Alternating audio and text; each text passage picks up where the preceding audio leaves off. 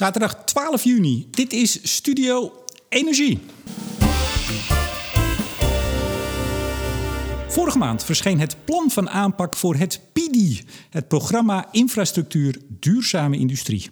Die industrie moet de komende jaren een grote bijdrage leveren aan het behalen van de klimaatdoelen. Maar dan moet de infrastructuur die daarvoor nodig is wel beschikbaar zijn. En daar ziet het nu nog niet naar uit. Vriend en vijand zijn het erover eens. Er is versnelling nodig. Gaat het PIDI daar inderdaad voor zorgen? Ik vraag het aan Hans Grunveld, een van de leden van de Taskforce Infrastructuur Klimaatakkoord Industrie, TIKI. De taskforce die aan de basis van het PIDI staat. Meneer Grunveld, hartelijk welkom. Dank u wel, meneer de Boer. nou, zegt het maar. Gaat die aanpak van het PIDI, gaat die nou eindelijk die versnelling brengen waar we allemaal op hopen? Nee, dat uh, gaat het PIDI helaas uh, niet doen. Ik, uh, vergelijk nou, het... Dank u wel voor dit gesprek.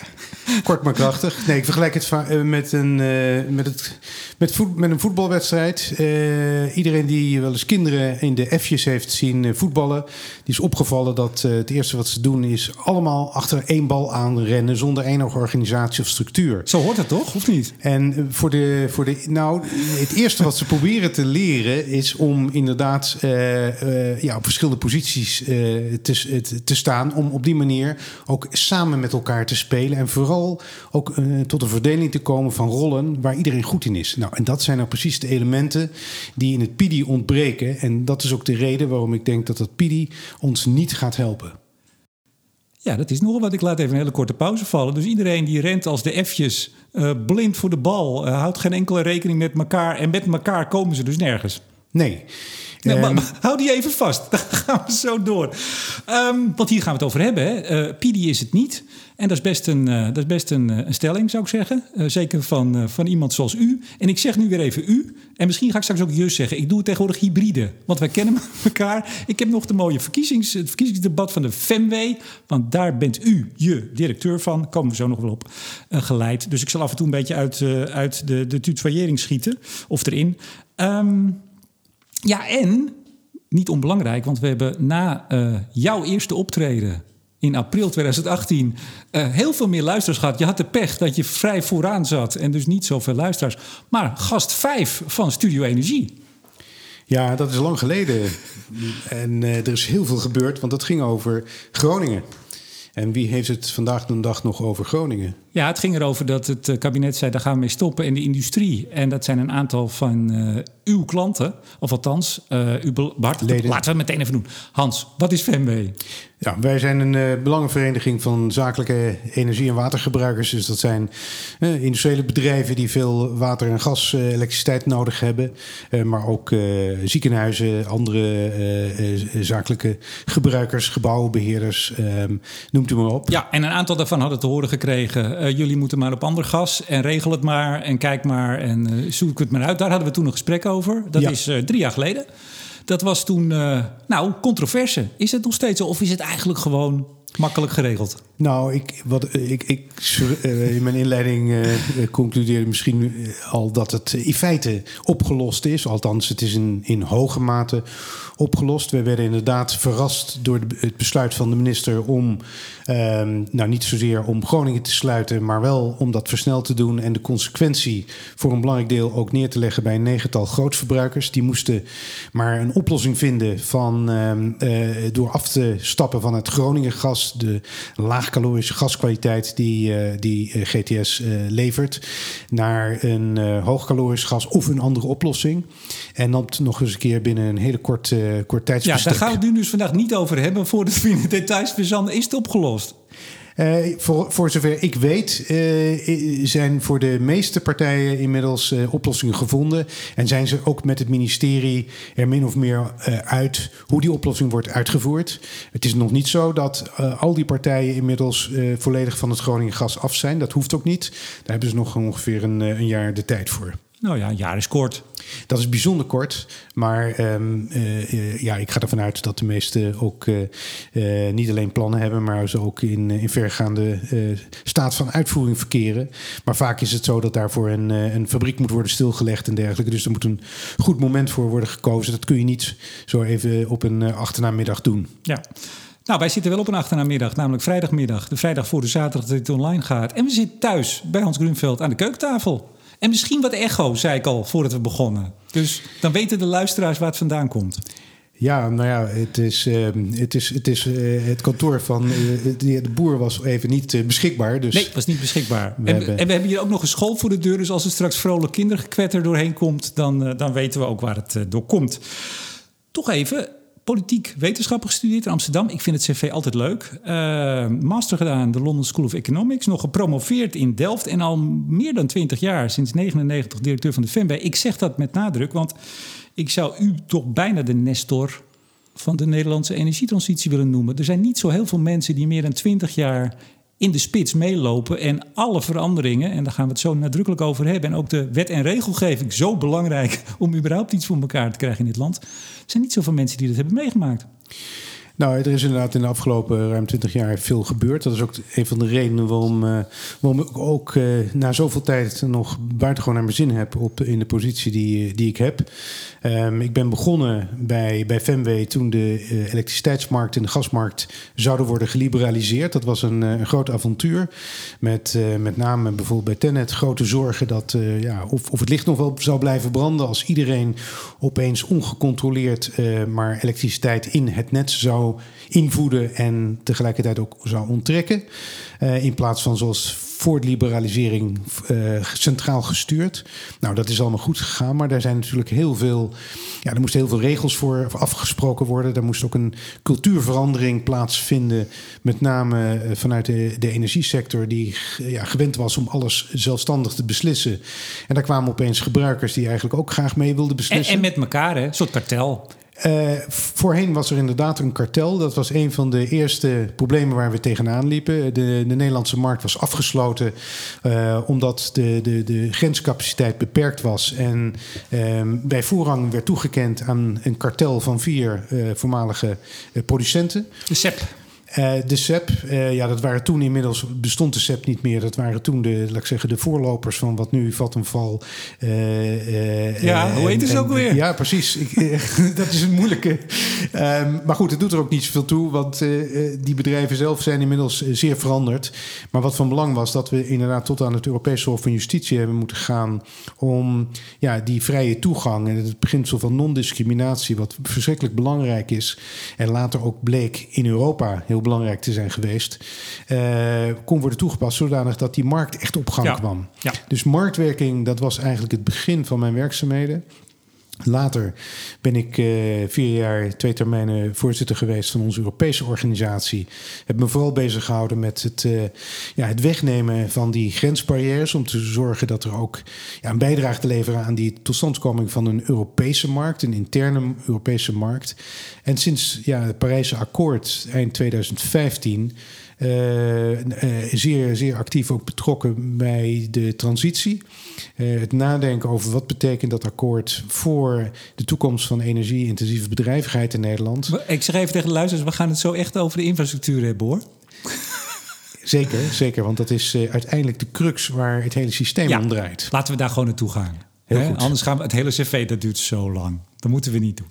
Maar ik denk dat de, de luisteraars, ik wou zeggen de kijkers, dat de luisteraars nu een goed beeld hebben. En met name, en daarom zitten we toch, um, de, de rol in het TIKI. Daar komen we zo op, de taskforce. Want waar komt die vandaan? Ik heb even een tijdlijntje gemaakt. Uh, u hebt dat nog vast allemaal in het hoofd. Maar het komt eigenlijk allemaal uit het klimaatakkoord voort. Hè? U hebt er ook aan de tafel gezeten. Aan welke? Ik heb zelf aan de elektriciteitstafel gezeten. Het TIKI komt voort uit de uh, industrietafel, een afspraak die daar is gemaakt. Ja, daar stond de transitie van de industrie. Uh, en laten we dat nog even zeggen. Die industrietransitie is eigenlijk essentieel voor überhaupt de transitie. Als de industrie niet omgaat, grote opgave. Wat was het? 14,3 megaton uh, wat uiteindelijk uitkomt op geloof, bijna 60 procent ten opzichte van 1990. Enorme reductie in 2030. Dat moet gebeuren. En in het klimaatakkoord hebben jullie, zeg ik dan maar even, afgesproken dat ja, die transitie niet mag stuk lopen op een gebrek aan infrastructuur. Dat is vastgelegd. Toen werd er al aangekondigd dat er een taskforce zou komen. Die ging kijken naar die essentiële infrastructuur. Die zou overigens al eind 2019 uh, klaar moeten zijn. Dat is niet helemaal gelukt, want hij werd pas in klopt september ingesteld. Jullie hebben wel nog een tussenadviesje gegeven in december, meen ik. Dat klopt. En uiteindelijk kwam daar op, uh, nou ik geloof 15 april ging de brief naar de minister. Die heb ik net nog even zitten lezen. Een briefje van 25 pagina's. Kan het ook korter, denk ik dan? Blijkbaar niet. En op 13 mei 2020, hè, hè, daar zijn we, kwam het advies van de taskforce. Wat was de essentie? Nou, de essentie was dat, ehm, ehm, eh, zeg maar, wat sommige mensen het kip-ei-probleem noemden. Namelijk het feit dat aan de elektriciteitstafel werd gevraagd hoeveel extra uh, of, of, hoe kunnen we zorgen dat de, de, de, de, de industrie uh, zeg maar de, de grote veranderingen kan doormaken. Dus de investeringen in elektrificatie, maar ook de investeringen in waterstof, in CO2-afvang en, en opslag. Ja, wat is er voor nodig om, om die bedrijven ook die investeringen daadwerkelijk te kunnen maken? Hoe kunnen we zorgen dat um, um, nou ja, de, de, de infrastructuur neemt normaal gesproken lange tijd in beslag voordat die van beslissing tot realisatie. Daar zit soms zelfs tien jaar tussen. Um, de, de bedrijven die moeten investeren in die infrastructuur, die zeggen: Nou, uh, wij willen graag zekerheid hebben dat de investeringen ook gebruikt worden. Dus wij willen graag, bij wijze van spreken, precies nauwkeurig weten welk bedrijf uh, hoeveel extra elektriciteitscapaciteit, hoeveel extra waterstof, uh, CO2 enzovoort nodig heeft. Ja, en laat me raden, die bedrijven die zeggen: Nou, dat kunnen we pas zeggen als we weten wanneer de kabels en lijntjes liggen. Exact, en dat is dus wat het kip-ei-probleem wordt genoemd. Nou, wij hebben nagedacht over wat, hoe zou je nu in feite uh, voortgang kunnen maken. terwijl je uh, ja, toch met onzekerheden uh, zult moeten leven. Ja, en, en ik zeg even bij we, dat, was een, dat is een mooi klein comité. we komen straks nog aan opzommingen van heel veel partijen die allemaal meedoen. Maar dit was lekker compact. Drie man, vrouw moet ik zeggen. Voorzitter Carolien Gerels. Director European Cities bij Arcades. Hoe kwam, hoe kwam ze eigenlijk aan, in zo'n zo'n tiki terecht, vroeg ik me af. Nou, het grappige is dat uh, Carolien uh, Gerels was een voormalige collega van de inmiddels ook voormalige minister Erik Wiebes. Uh, beide waren wethouder in, in Amsterdam, dus die kenden elkaar. Um, en, um, dat zal toch niet de reden geweest zijn? Uh, nou, wat precies de reden is, weet ik niet, want dat is. Uh, Hoi Carolien, hey, hey, Erik, hey, ken je me nog? Ja, nou, wil, ja. Jij, wil jij in een tiki? Ja, leuk. Uh, ik, ik, denk dat, uh, dat, laat ik zo zeggen, het heeft, uh, het heeft zeker bijgedragen tot de vrolijkheid van ons, van ons werk. Kijk eens aan. ik ken zelden, zelf ook de minister nog uit een, uit een vorig leven. En, ja, McKinsey, nou, hè? daar zaten jullie tegenover elkaar. precies. en, dat is, en dat is heel leuk om iemand na zoveel tijd in een heel andere rol weer tegen te komen. Maar, maar even Hans, Erik Wiebes heeft jou toch niet gevraagd omdat jullie in de jaren negentig even kort tegenover elkaar zaten? Nee, mij niet. Nee, toch? Zeker niet. Zeker mag niet. ik toch hopen? Nee, nee, Erik heeft mij sowieso niet gevraagd. Uh, dat zijn, uh, nee, de, de voorstellen zijn uiteraard gekomen van... we zijn voorbereid door de ambtenaren. Um, ja, en, en die... de derde even toch, anders vergeten we... Mark van der Linden, de CEO toen van Stedin. Is hij nog? Nee, nu net niet meer, toch? Ik, die, volgens mij tot 1 juli. Dus okay. ik denk dat hij deze maand nog volop in, in functie is. Nou, dan luistert hij. Um, zeker, want ik weet dat, uh, dat Mark van der Linden een, een groot fan van, uh, van jouw podcast is. Dus dat uh, zal ongetwijfeld... Kijk eens aan, genoeg veren. Um, klein comité. Ik onderbrak je. Jullie, jullie hebben gekeken naar het kip-ei-probleem, de oplossing daarvan. Ja, ja, ja, we hebben, we hebben in feite gekeken wat is er, wat is er, waar is behoefte aan en, uh, en, en wat is er nodig om ook die uiteindelijk uh, te zorgen dat datgene wat nodig is ook gerealiseerd wordt. Nou, wat we hebben geconstateerd is dat er, um, nou ja, zo, uh, heel helder, er is een, een noodzaak om een, een, snel een aantal grootschalige CO2-afvangprojecten te laten realiseren. zeker beginnen met het Portos-project in Rotterdams havengebied. Een project dat in vergaande staat van voorbereiding is. Um, en ook wat cruciaal is, denk ik, voor, uh, voor het realiseren van de industriedoelen. Ja, maar die uh, hebben nu de subsidie binnen. Die hebben de subsidie binnen, maar die, dat is nog zeker niet het, uh, laat ik zeggen, definitieve. Uh, de definitieve het leidt nog niet tot het definitieve besluit om, om ook het project uh, te kunnen laten starten. Dus er zijn nog jaar, vergunningen hè? nodig. Precies. Precies. En verwachting is inderdaad dat pas in twee, 2022, dat is overigens een jaar later dan aanvankelijk was bedoeld, um, dat het, de final investment decision kan worden genomen. Maar er zijn meer van de dergelijke product, projecten, ook het Atos project wat uh, in de, uh, ja, in ieder geval een, een grote hoeveelheid CO2 in, de, in het, uh, zeg maar het Noordzeekanaalgebied moet afvangen. Andere projecten, dat is, dat is één onderdeel van de noodzakelijke infrastructuur voor die industrietransitie. Maar dat zijn de projecten. Maar het ging eigenlijk om, jullie moesten kijken en hebben gekeken op, het, op verzoek van de minister, van het kabinet, naar hoe doorbreken we nou dat kip-ei-probleem. Dus Ja. nou, dan heb je projecten. Maar goed, dat alleen, eh, als het zo makkelijk was, dan konden we het allemaal. Dat klopt. Ehm, vandaar dat we hebben voorgesteld om eigenlijk eh, twee belangrijke eh, zaken te doen. Op de eerste plaats om te komen tot een, een meerjaren eh, ontwikkeling van, van de infrastructuur. Dat wil zeggen een integraal plan te maken voor eh, eh, zeg maar meerdere jaren. In feite tien jaar vooruitkijkend. Ja, en voor, voor wie dol is op afkortingen, dat heet het MIEK. En dat is inderdaad Het meerjarenprogramma Infrastructuur, Energie en Klimaat. Heel goed, meneer de Boer. Ik ben Ehm, voorbereid. U bent uitstekend voorbereid. Ehm, dat is het MIEK.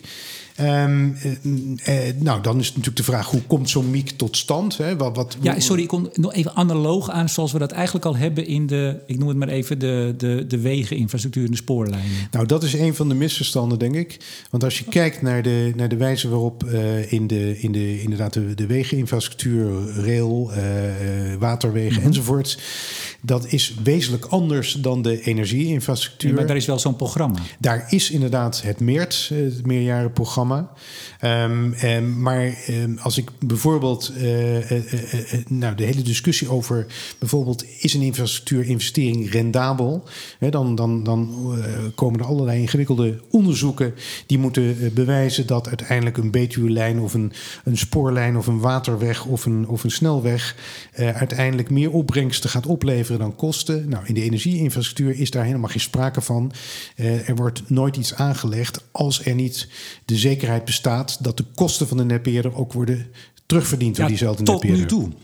Nee, dat is een vast. Ja, eh, tot nu toe. Jawel, maar, maar het, het belangrijke, en dat is het grote verschil, is dat, is dat is niet omdat wij dat in Nederland hebben bedacht of leuk vinden, maar dat, bete- dat is omdat vanuit Europa, waar de liberalisering gestuurd is, eh, bepaald is dat voor elektriciteit en aardgas ehm, de, de, eh, ja, de netwerken op die manier moeten worden uitgerold. Oké, die, parkeer, die parkeren we even als Dus, je het goed ja. vindt. Ja, dus Europa speelt een hele belangrijke rol in. Want we komen straks natuurlijk op wat zegt dat PIDI nou en hoe Ja. wordt dat samengesteld. En dan komen we vanzelf terug op de, de hand en de stem van Europa in de uitvoering. Ik heb even de, jullie aantal knelpunten, ehm, knelpunten in het Tiki opge... eh, Maar misschien, sorry Ja. dat ik u onderbreek, maar misschien dat ik even twee, heel kort het tweede belangrijke element, en dat is de financiering. Want ehm, eh, nou ja, ik, ik, we hadden het al eventjes over de onzekerheid eh, over welke infrastructuur is precies nodig over tien jaar. Want als je een elektriciteits, een hoogspanningsverbinding wil bouwen, dan heb je ongeveer die, tijdstip, die tijdperiode nodig. Nou, om die onzekerheid te overbruggen, hebben we gezegd. ehm, het beginsel dat infrastructuur betaald wordt door de gebruiker, dat staat overeind. Ehm, het, de enige vraag, dus het is niet de vraag of die infrastructuur wordt terugbetaald, alleen de vraag is wanneer precies gebeurt dat. En met name in de aanloop, dus zeg maar de, de, de, de eerste jaren dat die infrastructuur beschikbaar is, dan wordt die nog niet volop benut. Ehm, en eh, ten tweede, dat- zijn zogenaamde aanlooprisico's. En ten tweede lopen netbeheerders aan tegen zogenaamde vollooprisico's. Er kan altijd een gebruiker wegvallen of een belangrijk gedeelte van de capaciteitsvraag. Nou, om die risico's af te dekken, hebben we gezegd: zou je gebruik moeten maken van het infrastructuurfonds, wat toen nog aangekondigd was, toen nog het Wopke Wiebesfonds werd genoemd. Inmiddels is dat ingesteld. Ehm, omdat daarmee, eh, laat ik zeggen, zonder dat het de, eh, de gemeenschap geld kost, maar wel de mogelijkheid bestaat om juist die netbeheerders in staat te stellen om vroegtijdig stadium te kunnen investeren, zonder dat zij ja, risico's lopen die zij niet kunnen Ja, of maar, maar tot nu toe hoor ik, nou, dat, ga, dat gaan we doen. Wir schaffen das, zouden ze in sommige landen zeggen. Ik eh, heb de oplossingsrichtingen die jullie in het eh, TIKI hadden. Ontwikkelen een integrale energie-hoofdinfrastructuur. Nou, daar, daar hebben we het eigenlijk over. Punt 2. er zou een oplevering moeten zijn van een internationaal systeem voor CCS en CCU. Ook het gebruik van CO2. Nou, dat zijn die Portos en Atos onder andere. Eh, onderzoek naar een grensoverschrijdend waterstof-CO2-netwerk. Want Wij zijn geen eiland, dat weten de meeste luisteraars. Nee, dat is. Kijk, als je praat over een, een deel van Nederland en een belangrijk deel van Nederland. En dan moet u denken aan bijvoorbeeld het eh, industriegebied in, eh, in Limburg, het Gemmelot-complex, maar ook het Zeeuwse industriegebied. Dat zijn gebieden die, laat ik zeggen, wat verder af liggen van bijvoorbeeld aanlanding van nieuwe windparken op zee. Um, ook verder weg liggen van um, gasputten die kunnen worden benut voor CCS. Dan is de vraag, ja, maar welke infrastructuur krijgen die uh, clusters uh, om uiteindelijk ook de bedrijven in staat te stellen om hun CO2-emissies naar beneden te brengen? Het aanleggen van een uh, elektriciteitsinfrastructuur of andere infrastructuur ver door Nederland. En daarvan wordt altijd gezegd, ja, dat kost heel veel geld. En is dat nou wel de moeite waard? Is dat wel efficiënt? Nou, wij hebben gezegd, je moet eigenlijk niet zozeer deze gebieden beschouwen als de rand van Nederland, maar eigenlijk als het centrum van het, uh, uh, ja, het internationaal industriegebied, het zogenaamde ARA-cluster. En dat is het cluster van industrieën die, die, laat ik zeggen, één keten vormen, die zich bevinden tussen Amsterdam, Rotterdam, Zeeland, het, het Antwerpse industriegebied, het Roergebied en Groningen. Nou, als je het zo bekijkt, en, en dan moet je dus ook echt grensoverschrijdend durven te, te kijken. Dan, dan liggen daar kansen voor Nederland. Want uiteindelijk is het ook in het belang van de Nederlandse industrie dat de industrie in, uh, in het Duitse roergebied, waar zij dus onderdeel van uitmaken, deels omdat ze producten daaraan leveren, deels omdat ze misschien grondstoffen daarvan ontvangen, dat ook die bedrijven in staat uh, worden gesteld om ook die transitie door te maken. Ja, Overigens, als mensen gaan googlen, het is ARA met drie R'en, heb ik begrepen. Heel juist. Is zij, hebben jullie speciale mensen die dan die afkorting allemaal zo verzinnen of niet? Of is dat, dat gaat gaandeweg, denk ik? Nou, er zijn heel veel mensen die afkortingen verzinnen. En daarom hebben we ook met zoveel afkortingen te maken. Als ja. het één persoon zou zijn, dan... Uh, ja. Heel goed. Maar twee dagen nadat jullie advies uitkwam, kwam het kabinet, uh, getekend door minister Wiebes, met de industriebrief noemen we maar. Hè, uh, visie verduurzaming basisindustrie 250. De keuze is aan ons. Dat is mooi, hè? De keuze is aan ons. Die kwam twee dagen later. Nou, dus toen kwam mooi op elkaar afgestemd. En dat was ook, uh, ik heb het vaker gezegd, ook nog met uh, huidig Kamerlid Henry Bontebal in een podcastje. Wij waren erg enthousiast uh, en zijn erg enthousiast over die brief. Ik denk dat we die voor de meeste luisteraars ook even onbehandeld kunnen laten. Want er liggen enorme kansen voor Nederland. nou, dat, daar hebben jullie het in het Tiki-verslag, doen jullie daar verslag van. In de industriebrief is het allemaal na te lezen. Maar nu gaat het dus om het pakken daarvan. De keuze is aan ons.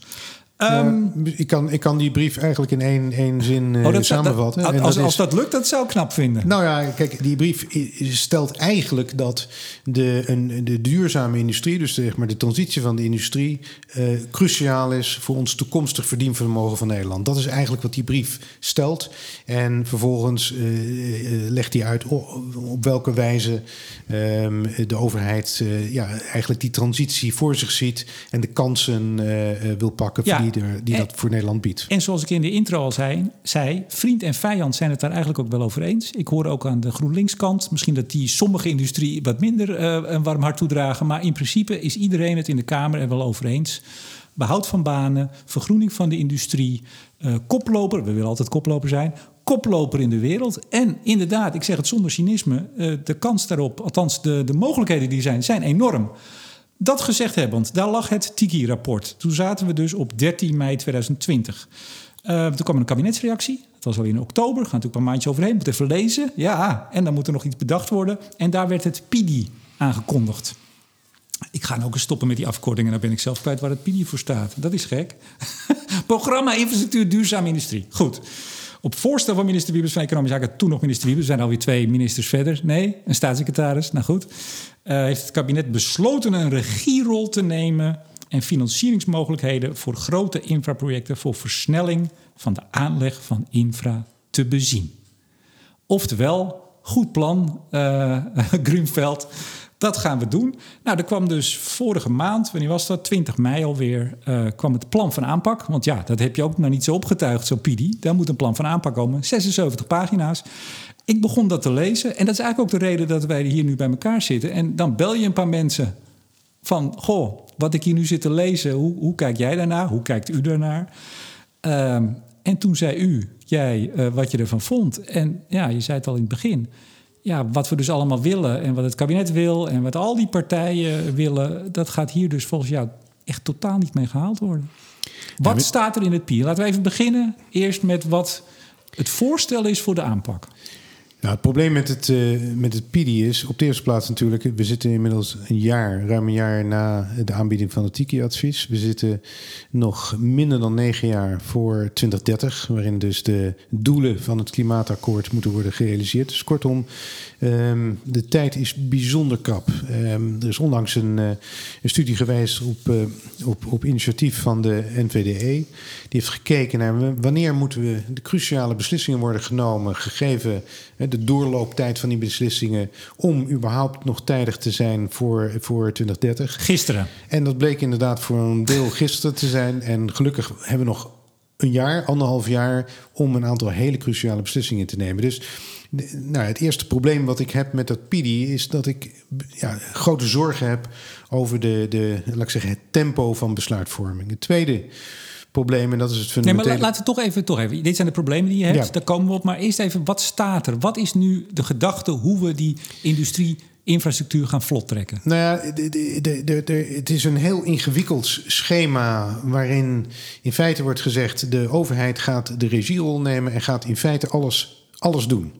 En die gaat zich overal mee bemoeien. En er komt een stuurgroep hier en er komen een, een, een, eh, een bestuurlijk overleg daar. En, en we gaan vooral met heel veel mensen praten en overleggen.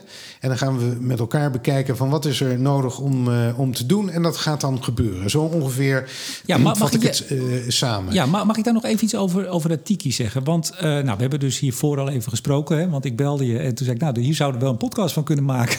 en hier, here we are. Um, uh, heel veel partijen staan er in dat PD. Uh, ik zeg het even in mijn eigen woorden. Uh, nee, ik wou het ietsje cruwer zeggen. Maar heel veel mensen praten mee, laat ik het netjes zeggen. Maar even voor jullie Tiki. Daar hebben 138 mensen aan meegewerkt, zag ik. Ik heb die lijst drie keer doorgelezen, wie er allemaal in staan. Nou, daar staan mensen bij van je denkt, ja, die horen daarbij. de brancheverenigingen, maar ook bijna alle grote bedrijven die in het spel zijn, zaten erbij. Ik kwam mensen tegen, natuur en milieu, een NGO. Ik denk, nou oké, ja prima. Maar dan had ik er nog wel 138 bij kunnen, kunnen zetten. Directeur van de Communicatie Public Affairs Bureau. Uh, directeur van de European Roundtable for Industry. Ja, je gaat nog maar even door. Is dat niet een van de, van de makkers misschien van Nederland, Polderland... dat overal, wat je ook doet, altijd iedereen mee moet praten? Nou ja, kijk, er, zijn, zijn, is natuurlijk een verschil tussen mensen betrekken om te kijken of de ideeën die je hebt, of die, laat ik zeggen, een, een brede steun kunnen krijgen. Nou, dat laatste is denk ik belangrijk, omdat we uiteindelijk in een democratie leven. Dus we moeten ook met z'n allen, eh, althans met in ieder geval zoveel mogelijk mensen het eens worden over in ieder geval een aantal basale zaken. Um, het heeft weinig zin om te zeggen, nou, we gaan investeren in waterstof als blijkt dat de meerderheid van, van de, de betrokken partijen daar helemaal niets voor voelt. Maar feedback geven in Nederland betekent meestal wel dat mensen ook vinden dat er uh, geluisterd moet worden en eigenlijk dat er gedaan moet worden nou, wat men vindt. Dat is dus het tweede. De vraag is of je uiteindelijk je besluit ook uh, uh, moet laten afhangen van de goedkeuring van iedereen. En daar zit dus een van de zwakke punten van dat, van dat PIDI.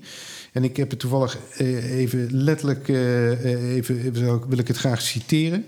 Daarin staat bijvoorbeeld: door gezamenlijk optreden van industrie- en netwerkbedrijven zal sprake zijn van groeiend onderling vertrouwen, waardoor beter kan worden omgegaan met onzekerheden. Nou, wat, waar gaat het hier over? Het gaat hier over het investeren, zowel aan de industriekant als aan de eh, infrastructuurkant, ter grootte van honderden miljoenen euro's. Nou, dat zijn hele serieuze beslissingen. En die worden niet genomen door partijen bij elkaar te zitten, met elkaar te laten praten en het vertrouwen te laten groeien. Volgens mij is dat wat ik net zei. Nou ja, dat is precies de manco wat we dus in PIDI zien.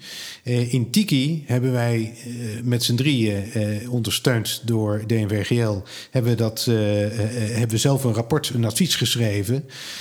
daar hebben we uiteraard wel ook heel veel partijen bij betrokken om te, om te begrijpen eh, ja, eh, lost ons advies ook laat ik zeggen, de wezenlijke problemen op. Althans, levert daar een bijdrage aan. Um, en kan het op ook de steun uh, rekenen van, laat ik zeggen, de, echt de kritische partijen. De partijen die nodig zijn om ook die verandering maar, maar tot stand te brengen. Ja, maar u snapt toch wel, als je eenmaal, uh, ik zeg dit met alle respect, in het circus zit. En uh, daar zijn we natuurlijk eigenlijk al heel lang mee bezig. En zeker bij het klimaatakkoord. Ja. Iedereen zit voortdurend overal mee aan tafel. Ja. En misschien de ene keer geven ze alleen input en dan zegt u met uw commissieleden, nou ho.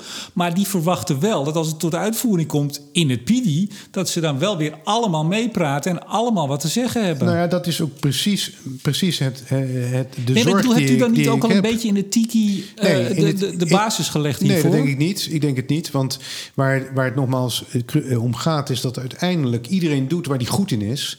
En dat betekent dus ook dat je echt ieder, wel heel veel partijen nodig hebt. Alleen die moet je ook op hun positie zetten. Hè? Omdat dus even de analogie Dan zijn we weer bij de F'jes. Exact. Uh, naar, naar het, naar het uh, voetbalteam. Daar komen we zo op. Want even, ik, ik toch even voor de luisteraars. Uh, we, hebben de, we hebben de ressen, dat kennen de meeste luisteraars. de sessen met een C van Cornelis, oftewel van cluster. Dat kennen mensen misschien nog minder. Er zijn, er zijn en of komen cluster energiestrategieën. We hebben dus de vijf clusters, of we hebben eigenlijk zes. Hè? Dat vind ik al een beetje verwarrend. Maar we hebben de vijf clusters fysiek ergens met elkaar. Dat is een cluster. En we hebben een zesde cluster wat geen cluster is. En daarom toch een cluster heet. Die zitten namelijk verspreid door het land. Die geven allemaal, ik zeg maar even heel kort onderbreken, maar als ik het verkeerd doe. Die geven allemaal aan, dit hebben we nodig. Wij hebben een CO2-pijp nodig. Wij hebben 380 kV nodig, et cetera. Um, dan vervolgens, ja, vervolgens uh, gaan ze met elkaar zitten met de netbeheerders. Uh, dan komen al die dat worden projecten. Dus de wensen worden projecten. Die projecten worden ingediend. Die projecten worden vervolgens gewogen. U gaat mij straks vertellen hoe dat precies dat gaat gewogen worden. En uiteindelijk gaat iemand daar een klap op geven. Dat zal de minister zijn. Maar daartussen zit een stuurgroep. Ik heb hem nog even bij me. De samenstelling van de stuurgroep. U hebt hem vast uit uw hoofd. Ja. Daar zitten 1, 2, 3, 4, 5, 6, 7, 8, 9, 10, 11 mensen in. Drie van, uh, van het Rijk, uh, de industrie, uw voorzitter van de FEMW, uh, Tennet en Gasunie natuurlijk. Iemand van het IPO, de provincies, Nienke Hooman, gast voor u in 2018 bij Studio Energie, maar dat terzijde. Namens de gemeente Arno Bonte, toen nog Medi van der Laan, uh, voorzitter van Energie Nederland. Dat zal haar opvolger worden. Carolien Gerels, daar is ze weer, oud-wethouder en collega Tiki-lid. En Jan-Jacob van Dijk, namelijk de sectortafel elektriciteit.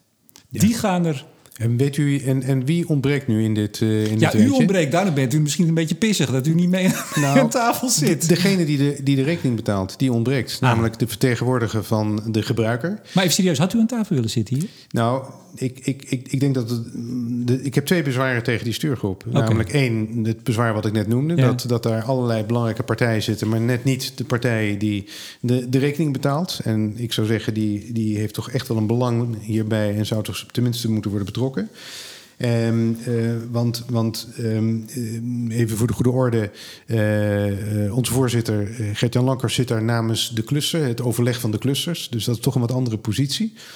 Um, en uh, het tweede is dat opvallend is dat de voorzitters van de uitvoeringstafels uh, uh, industrie en elektriciteit daar zitten. Ja, dat is Gerels dus ook, hè? Dat is Gerels ook nog. En, en Jacob van en Dijk. Jan Jacob van Dijk. En dat is heel bijzonder, want je zou zeggen dat, het, dat de rolverdeling hier precies omgekeerd zou moeten zijn. Namelijk aan de uitvoeringstafel, daar moet de voortgang worden bekeken. In plaats van daar moeten de besluiten worden genomen. Dus wat we hier eigenlijk gaan krijgen, is dat straks in feite de slager zijn eigen vlees moet gaan keuren. Nou, dat is op zijn minst niet heel. Al hadden ze u gevraagd, u had niet aan deze tafel willen zitten. Nee, want ik denk dat we, ik denk dat, we dat op een, uh, op een hele andere manier moeten doen. Kijk, waar het om gaat is dat ieder, zoals gezegd, moet doen waar hij goed in is. En, wat, en dat betekent dus dat het op de eerste plaats centraal, als het gaat om infrastructuur, staan, wat mij betreft, de netbeheerders. Dat zijn de partijen die A, de investeringen zullen moeten doen. Um, B, dat zijn de partijen die ook alle informatie hebben. dus, want we hebben het hier nu over de sessen. U noemde al terecht de ressen. Zij hebben ook te maken met de programma's rond de laadinfrastructuur. We, we moeten ook in Nederland laadpalen. Ik zou bijna zeggen de lessen, maar dat zal niet. ja, dat is een mooie, mooie, mooie afkorting. Dan, dan, dan moeten we niet vergeten dat zeker voor wat betreft elektriciteit uh, de netbeheerders ook nog internationale verplichtingen hebben. De zogenaamde 10-year Network Development uh, Programs. Dus zij moeten ook plannen maken om te zorgen dat die interne Europese markt, waar ik eerder over sprak, dat die uh, tot stand komt. Dus die netbeheerders hebben een centrale rol. Die moeten in feite, daar moet alle informatie bij elkaar komen. En dat, die informatie wordt deels aangeleverd door die sessen. Dus door die clusters. Die moeten aangeven. Nou, wij willen investeren in electrolyzers. Wij willen gaan investeren in elektrificatie. Of wij willen investeren in CO2-afvang en opslag. Um, vervolgens uh, moet de overheid ervoor zorgen dat die netbeheerders samen kunnen werken. Nou, een van de problemen is dat op dit moment er voor elektriciteit en voor aardgas een gereguleerd, uh, dus een wettelijk kader is. wat helder en duidelijk is en wat ook afgestemd is. Maar voor, aard, voor waterstof en voor CO2 is dat er niet. Nou, maar, maar, maar, sorry, ja, maar want u, u gooit het allemaal al uit wat, wat er moet gebeuren volgens mij. Maar mag ik nog één stapje terug? En hou deze even vast. Ik hoop dat de luisteraar nog kan volgen. Ik denk het wel. Want slagen keurt eigen vlees. Uw eigen voorzitter zit erin. Uw eigen voorzitter van de Tiki en, en van de FEMW. Uh, ik, ik vind het nogal woorden. En, en toen wij dus uh, onlangs belden... ik, schrok, ik schrok een beetje eigenlijk. Ik had het niet verwacht. Ik dacht wel, want ik vond het zelf ook wel een beetje ingewikkeld wat er stond. Ik had ook wat, wat moeite om nou dit echt... Want hè, 76 pagina's met dit soort tekst Ga er maar aan staan. Kijk, Letitia Ouillet, die leest, dat, uh, die leest het in een uurtje weg. Maar ik vind het toch altijd wat lastiger. Maar de kritiek die u hebt is, uh, ja, ik wil het niet uh, al te zeer overdrijven, maar die is heel erg hard. Voor iemand die heel intensief hierbij betrokken is, die de, grond de, de, de basis heeft gelegd voor hoe het verder moet. Daar een rapport, jullie hadden geloof ik een rapport van 176 pagina's of iets, iets in die orde. Uh, hoe kan dit? Wie heeft dit dan bedacht? Uh, ik heb inderdaad scherpe kritiek. En dat is niet omdat ik vind dat mensen, laat ik zeggen, kwaadwillend zijn of, of, of, of iets niet, niet, niet zouden willen of zouden willen tegenhouden. Integendeel. Waarom ik kritiek heb en waarom is, is uit bezorgdheid. Omdat we, eh, zoals ik al eerder. Nee, maar dat is helder. maar hoe komt dit? Hoe komt dit? Ik zou bijna zeggen dat Tiki, daar zat u in. Dat was denk ik dan ook goed. Wat daaruit is opgeleverd. Waar is het dan misgegaan? Nou, ik denk toch in, in onvoldoende begrip voor uh, de complexiteit van de, van de laat ik zeggen, besluitvorming rond infrastructuur. En, en vooral ook de, ja, de, de, uh, de wens en, en de druk op het ministerie om regie te nemen, maar niet precies begrijpen waar, uh, ja, hoe, hoe, hoe kan men dat zodanig doen dat het ook inderdaad uiteindelijk de resultaten oplevert waar iedereen op zit te wachten. Dus regie nemen is niet dat je alles zelf gaat doen, maar wel dat je het overzicht houdt dat jij bepaalt uiteindelijk wat de doelen zijn, dat je de randvoorwaarden bepaalt, maar dat je vervolgens anderen betrekt in de uitvoering. Dat is wat mij betreft regie. En uh, ja, zoals ik het PIDI zie, lijkt het alsof die, ja, die, die, die, uh, die roep om regie van de overheid ertoe heeft geleid dat de overheid zich ongeveer met alles gaat bemoeien. En daardoor uh, komen belangrijke en essentiële rollen van de overheid komen in feite niet aan bod. Ja, maar ik u levert dat tiki op, dat is alweer een tijdje terug. Uh, nou, u bent daar nog zijdelings wellicht bij betrokken. Ze, bellen nog wel eens, neem ik aan. Ik neem aan dat er van dat PIDI op een gegeven moment wel eens iets langskwam. Een soort conceptstuk, of dat er nog wel eens gebeld werd... Goh Hans, wat vind jij ervan? Wat, wat zei u dan? Nee, de, het ministerie heeft, uh, heeft het uh, Tiki-rapport in ontvangst genomen... en is vervolgens zelf met de kabinetsbrief, uh, met de kabinetsreactie van start gegaan. En dat heeft, het, kabinet, dat heeft het ministerie zelf vervolgens opgesteld en naar de Tweede Kamer gestuurd... Um, dat is uiteraard ook hun goed recht. Ik bedoel, dat is ook de rol van het ministerie. We hebben wel aangeboden als, als Tiki om ook nog een, ja, een, een soort van uh, uh, nou, addendum aan het advies toe te voegen. Waarin we ja, proberen uit te leggen hoe zo'n MIC-proces, hoe zo'n meerjarenprogramma naar ons idee het beste tot stand kan worden gebracht. Maar daar, was, daar bestond geen behoefte aan. Men maar ik, toch, ik, ik snap het niet. Doen. Ik snap het niet. Want Carolien Gerels, de voorzitter van het Tiki, me dunkt, de voorzitter, die zit hier ook in. Ik neem dus aan dat hij iets meer is betrokken bij het opstellen hiervan. Ik neem, toch niet aan dat ze aan het eind van de rit... Goh, Carolien, heb je zin om in de stuurgroep? Ja, leuk. Ik bedoel, ik neem aan dat hij erbij betrokken is. Uw eigen voorzitter van de FEMW, weliswaar in een andere rol... namens de vijf clusters, maar goed... hij kan zich toch niet door midden delen, neem ik aan, als mens. Die zit er ook in. Zou het zo kunnen zijn, ik vraag het maar... dat ze u gewoon kwijt wilden? Ik ken u namelijk ook als buitengewoon kritisch en recht door zee. Uh, en misschien uh, was dat wel wat minder gewenst. Je zou het bijna gaan denken. Ik meen het echt. Ik wil niet. niet maar het gaat niet om mij. Het gaat nee, niet nee, om maar mij, de kritiek. Kijk, nee, waar het om gaat is dat, dat je uiteindelijk tot een, een structuur komt die, die effectief is. Die dus zorgt dat er inderdaad die infrastructuur gaat komen die noodzakelijk is. Maar ook dat dat op een, op een efficiënte manier gaat gebeuren. Want laten we eerlijk zijn, we praten hier over investeringen van honderden miljoenen, zelfs miljarden als het gaat om elektriciteit. 40, 40 50 miljard toch? Ja, uiteindelijk inderdaad. En, en, en die, zullen worden, die zullen worden bekostigd door de gebruikers. Dus dat is echt een, een belangrijke verantwoordelijkheid. Um, maar dit kan niet werken. en- er is niet een mogelijkheid dat wat er nu ligt aan PIDI... We komen zo tot slot op hoe het wel moet. Dan gaan we hier aan de keukentafel Ja. het even opnieuw doen. Nee, maar goed, ik, ik, Kan ik, dit werken? Ik, ik stel het wel de prijs om even aan te geven. Kijk, de, de reden dat, dat, dat mevrouw Gerels eh, en, en, eh, en eh, Gert-Jan Lankhorst hierbij betrokken zijn, is natuurlijk vanwege hun specifieke rol. Caroline Gerels is voorzitter van, het, van de uitvoeringstafel Klimaatakkoord Industrie. Nou, dat is een belangrijke rol. Dus dat zij betrokken is bij, laat ik zeggen, een programma wat, er, wat als doel heeft om de transitie van de industrie te faciliteren. Dat is volstrekt logisch. Hetzelfde geldt voor Gert-Jan Lonkers, die een belangrijke rol heeft in het laat ik zeggen, aanjagen van die clusterplannen. Dus daar heb ik alle begrip voor en dat is ook helemaal niets mis mee.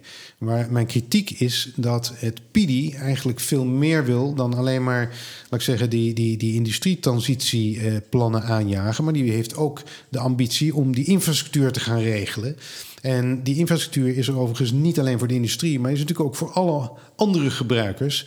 En vandaar dat, dat mijn grote zorg is door alles bij elkaar te nemen, dat uiteindelijk ja, je, je, je waarschijnlijk eh, niets of heel weinig gaat realiseren. En eh, op die manier ook die industrietransitie eh, niet verder helpt. Maar, maar nog even de vraag net, wat er nu ligt, dat PIDI. Nou, het is op zijn minst niet ideaal. Ik denk dat, dat, ik, dat, dat ik die boodschap mag noteren uit dit gesprek. Uh, maar kan dit werken? Toch, Nou, help even. Denk even aan de andere Ik denk, kant. ik denk dat het PIDI uh, in, in principe kan uh, helpen om um, ja, met name de link te leggen tussen de, de, de plannen van die clusters. Hè, dus de investeringen in CO2-afvang, in elektrificatie en dergelijke, om die te vertalen in uh, ja, de, de infrastructuurbehoeften die dat die dat heeft. Dus die dus eerste slag uit het PIDI, die, die zessen... en dan gaan ze aan tafel zitten exact. met elkaar. Dit hebben we nodig, maak die, daar projecten van. Dat is goed. Ja, absoluut. Die zessen uh, uh, opstellen en, en met name ook het overleg met die netbeheerders... dat is, dat is lastig. Uh, en daar, daar kan men best wat hulp bij gebruiken. Dus daar okay. is, voor zover het PIDI daarin voorziet... zeg ik prima, uitstekend. Dat is prima. En Alleen, dan, wat moet er dan gebeuren? Laat, hier scheiden de, dus de wegen. Eerste ja, deel is maar goed. dan krijg je de vertaling naar de hoofdinfrastructuur. Dus, hè, dus wat betekent het als in Zeeland een electrolyzer gaan bouwen?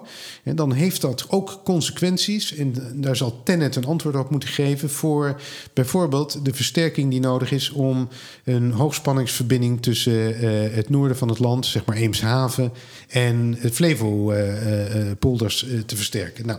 Dat is iets waar dus die uh, clusters in Zeeland niet over gaan. Want dat heeft consequenties uiteindelijk voor het landelijke elektriciteitsnet. En dus is dat een zaak voor de gebruikers van dat landelijke elektriciteitsnet en de beheerders ja, van dat maar landelijke dan zit uh, Maarten Abbenhuis van Tenet, die zit aan tafel in de stuurgroep en die ja. zegt dan: ho, ho, dit heeft effect daar en daarop. Dan zitten, en dat moet ik u geven, de, degene die de rekening betaalt, die zit inderdaad niet aan tafel. is een opvallend, raar, toch? Ja, ja. Ja. ja, dat is opvallend. Dat kan, nou, dat kan ik niet ontkennen. Nou, dat is een van de. Een van de maar, maar wat nog veel Maar goed, belangrijker die Abbehuis is. zit aan tafel, Tennet zit aan tafel. Ja, maar oké, okay, dan, dan, dan als zij in, dat, in die stuurgroep hè, tot een advies komen, want het is uiteindelijk de minister besluit, en dan komt er een besluit.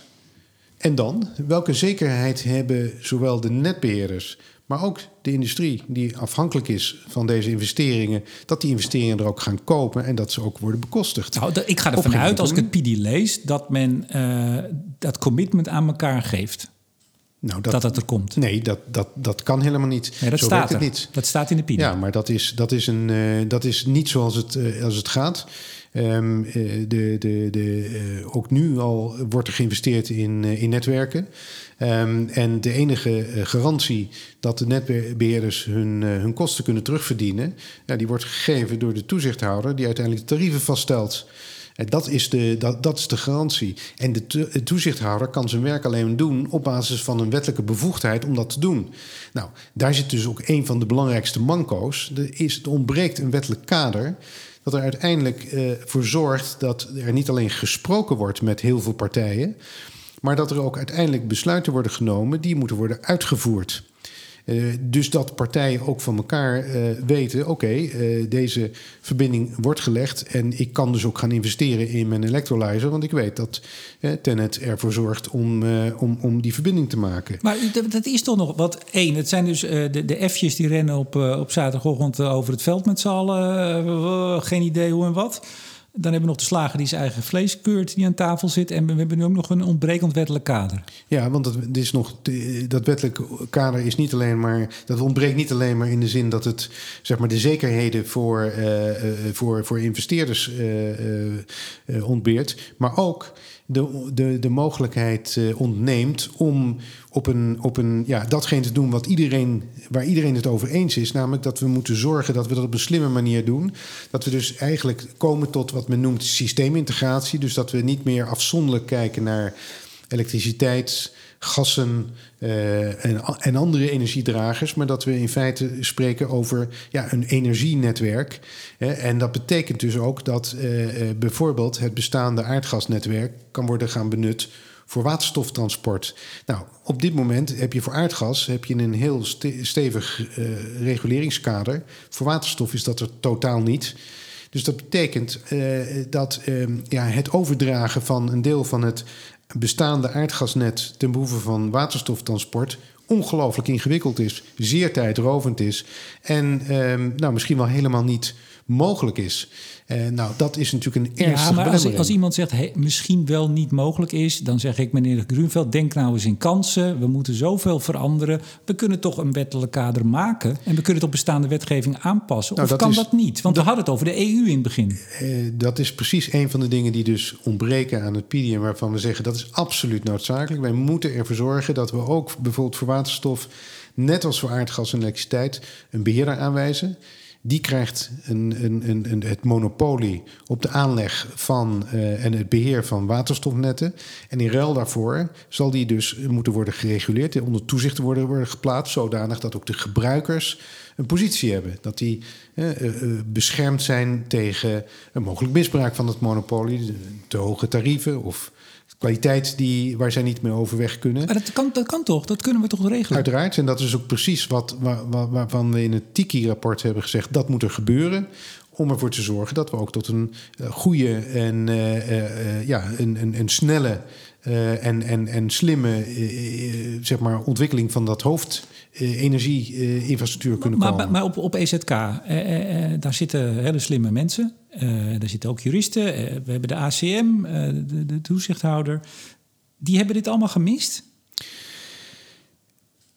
Nou goed, wat, wat het op dit moment in het, eh, ze in het PIDI uh, proberen te regelen, daar ontbreken dus echt de meest cruciale onderdelen die ervoor zorgen dat er een effectieve rolverdeling is, dat er effectieve besluitvorming mogelijk is, maar ook een doelmatige besluitvorming. Nee, dat snap ik. En maar... niet, niet in de laatste plaats, dat er ook rechtszekerheid en rechtsbescherming is. Nou, dat zijn hele belangrijke elementen die we goed kennen in de elektriciteit en in de gaswet uh, en regelgeving.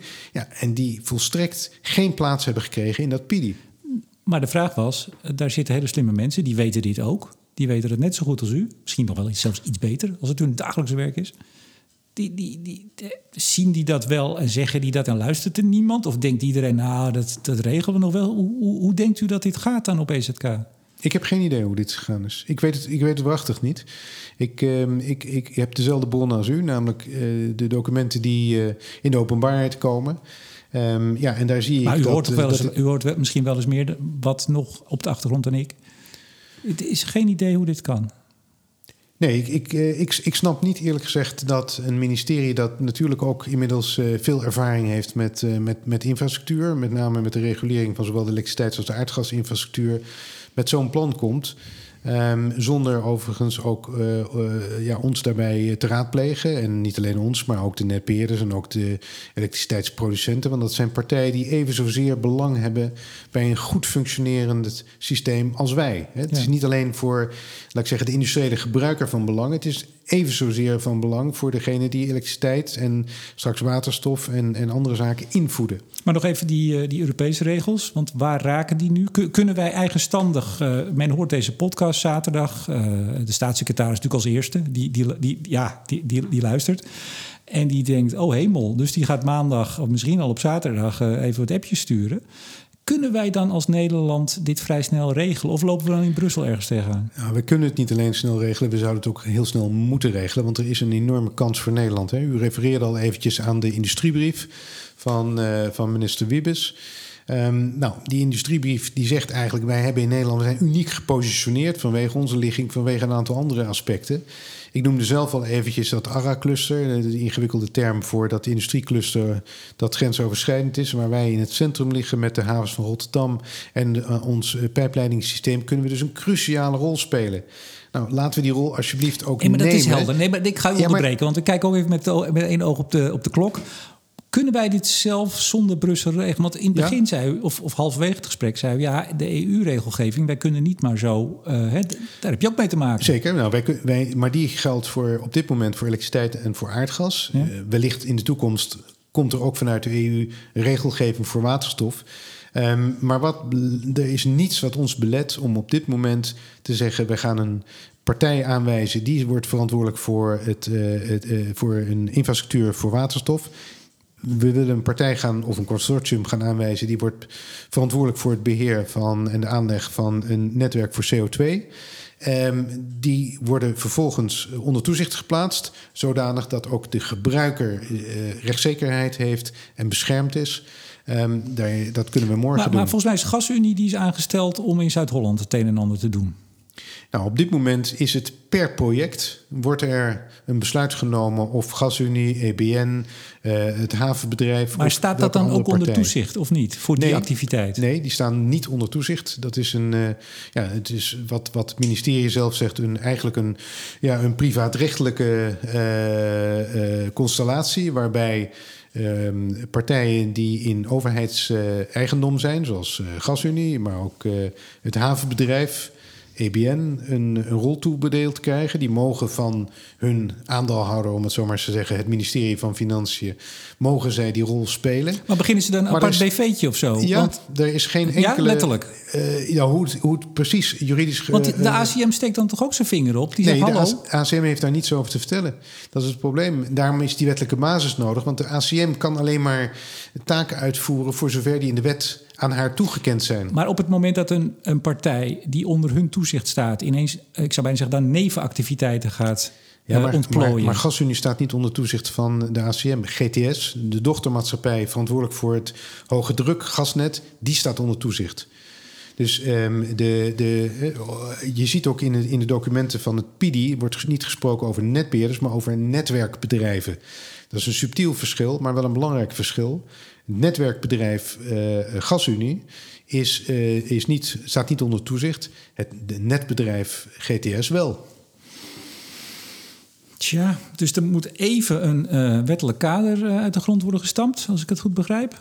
En daar hebben we dus volgens de NVDE, was dat niet een rapport van CE Delft, dacht ik, hebben we nog een jaar, anderhalf jaar maximaal. Dat gaat dus nooit lukken. Waarom gaat dat niet lukken? We hebben het afgelopen jaar gezien dat als het moet, en als de druk hoog is en de nood hoog is, zeker in de, in de, in de coronacrisis, dat uh, de overheid buitengewoon uh, efficiënt kan en snel kan, uh, kan handelen. Ja, maar dan wil, dan wil ik uw, uw bijdrage in deze podcast en ook mijn eigen podcast niet te klein maken. Maar ik geloof toch niet dat als dit PD van 76 pagina's, wat onlangs is gepubliceerd, waar dus eigenlijk alles wat nodig is, wat u zegt, in ontbreekt dat men nu na het luisteren van deze podcast denkt: oei, aan de slag en met de rotvaart. Ik denk dat dit. U bent. Dat is natuurlijk altijd een beetje het lastig als één iemand zijn vinger opsteekt. Uh, die zegt: jongens, uh, de, de keizer heeft geen kleren aan. Dit kan zo helemaal niet. dan duurt het meestal nog wel even voordat de goede gemeente dat ook vindt. Dat bedoel ik met, dit lukt dus niet. Nou, kijk, ik bedoel, er spelen hier twee zaken een rol natuurlijk. Op de eerste plaats het feit dat uh, er op korte termijn voortgang moet worden gemaakt. Dat er afspraken moeten worden gemaakt. En op de tweede plaats dat er een, een goede uh, uh, wettelijke regeling met rechtszekerheid en rechtsbescherming moet worden gecreëerd. Ik denk dat die twee zaken in parallel kunnen lopen. Het is niet zo dat we nu zeggen stop de persen en laten we eerst maar eens een heel langdurig wetgevend traject doorlopen voordat we überhaupt nog één stap zetten. Die luxe hebben we niet. We hebben die tijd niet. Dus we moeten verder met het plannen. Waar ik, een, uh, ja, waar ik, uh, waarvan uh, ik echt een, een beroep doe op de betrokken partijen is. En ik ga ook zelf het initiatief nemen om daarmee in ieder geval met de eerst betrokken partijen kijken of wij om, op een tot een gezamenlijk standpunt kunnen komen. Dus met name met de netbeheerders, maar ook met de andere betrokken partijen. Dus de, de elektriciteitsproducenten, de andere zogenaamde representatieve organisaties van de gebruikers van, het, van de infrastructuur. Um, zodanig dat we ja, eigenlijk op basis van 20 jaar ervaring, want wij werken al 20 jaar min of meer op deze manier samen. Uh, als het gaat om het vaststellen van de, de voorwaarden voor toegang tot en het gebruik van de elektriciteitsnetten en de gasnetten. En dat is een, uh, ja, dat is in, in die tijd hebben we heel veel geleerd en we hebben geleerd met elkaar samen te werken. We zijn het niet altijd met elkaar eens, maar we hebben ook een manier gevonden om uiteindelijk toch tot besluiten te kunnen komen. Nou, ik hoop dat wij met, met verstandige mensen uh, kunnen komen tot, een, uh, ja, tot een, een gezamenlijk plan. Waar we ook de politiek en het ministerie van kunnen overtuigen. Zodanig dat we echt nu geen lang, uh, tijd, al te veel tijd gaan verliezen en snel aan de slag kunnen. Ja, en we is dan de FEMW, waar u directeur van bent? Nou, niet alleen. Ik bedoel, wij. Nee, ja, samen met, met anderen betrokken. Want het is niet alleen nee, voor... Maar, nee, maar voorlopig bent u de enige die zegt... de, de keizer heeft geen kleren aan. Dus ik neem aan, u neemt het voortouw. Nou, ook, dan gaat u met allerlei partijen contact zoeken. Maar dan krijgen we de gekke uh, situatie... dat u als directeur van de FEMW... de FEMW vertegenwoordigend probeert om eigenlijk alsnog recht te, te breien wat nu scheef zit. Maar dat uw voorzitter, zijnde vertegenwoordiger van de vijf clusters, wat toch ook bedrijven zijn en gebruikers die ook de rekening moeten betalen. In die zin zitten ze natuurlijk wel aan tafel, maar dat is wat indirecter. Dat hij wel in de stuurgroep zit en dat uw voorzitter van het Tiki daar ook zit, maar zij is dan weer vertegenwoordiger van de industrietafel. Nou, kijk, heb ik het zo goed? Het, het, het Tiki-rapport, dat heb, heb ik samen met, uh, u noemde het al, onder andere Caroline Geels uh, opgesteld. Dus wij hebben geen verschil van opvatting daarover. Um, uh, sterker nog, we hebben zelfs ook een aantal van deze zaken uh, in, het, uh, in, de, in het advies van de stuurgroep extra opgave. waar, waar ook Carolien en Mark van der Linden, dus dezelfde in feite basis uit, uit, de, uit de Tiki-advies mm -hmm. zaten, hebben dat herhaald. Ook Gert-Jan Lankhorst en ik hebben geen enkel verschil van opvatting over hoe je tot goede Nee, maar dat heb je goed gezegd hoor. Ik, ik, wil niet stoken in een goed nee, nee, huwelijk, maar, maar, maar het, is, staat... het wordt wel een beetje een gekke situatie. Nou nee, dat denk ik niet. Want, want kijk, zoals we uh, hebben geconstateerd... dat PIDI wil heel veel. En het PIDI heeft ook een aantal buitengewoon uh, belangrijke uh, faciliterende rollen. Met name om die sessen, om, om die goed te regelen. En daar spelen zowel Carolien Gerels als Gertjan Lankers een belangrijke rol in. Dus, dus die rol die, kan ook via die stuurgroep uitstekend worden vervuld. Daar gaat mijn kritiek ook niet op en mijn zorgen niet. Mijn grootste zorg is dat de infrastructuurbeslissingen die cruciaal zijn, dat die niet kunnen worden genomen op basis van ja, een, een gesprekken tussen partijen. Uh, daar is echt meer voor nodig, daar is een structuur voor nodig. Helder. En wat het allerbelangrijkste is, is dat de overheid ook zijn rol gaat nemen in het zorgdragen voor de ruimtelijke inpassing. Want laten we niet vergeten, wij kunnen allemaal mooie plannen maken, maar uiteindelijk zal die infrastructuur die zal ergens ruimte nemen. En we hebben in Nederland schaarste aan ruimte. We hebben heel veel wensen om die ruimte te gebruiken. En, um, en, we hebben daarnaast, uh, en we hebben een democratisch besluitvormingsproces.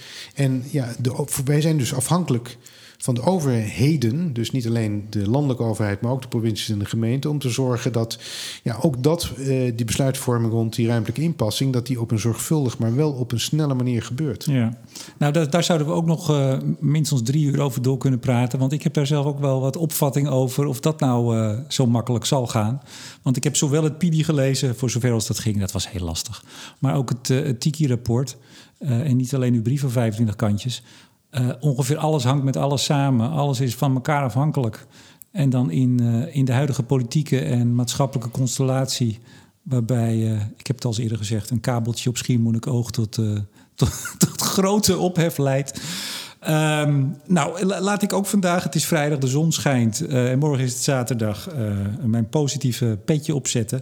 Ik help het u hopen. Ik, ik help hopen dat de F'jes eh, een, een waanzinnig geoliede eh, Champions League-achtige formatie worden. Die eh, ieder weekend de tegenstander met, eh, met 20-0 van de mat vegen. Want dat, dat hebben we nodig, hè? Dat is exact wat we nodig hebben als wij voorop willen lopen en de kansen willen nemen die we, die, we, die we hebben. Nou, beste luisteraar, als u dit vanaf half zeven zaterdagochtend hoort en u gaat straks naar het veld, kijk, kijk vast of ze er rondlopen. Hans Grunveld, directeur van de FMW, lid van Tiki en de wegbereider van de PIDI.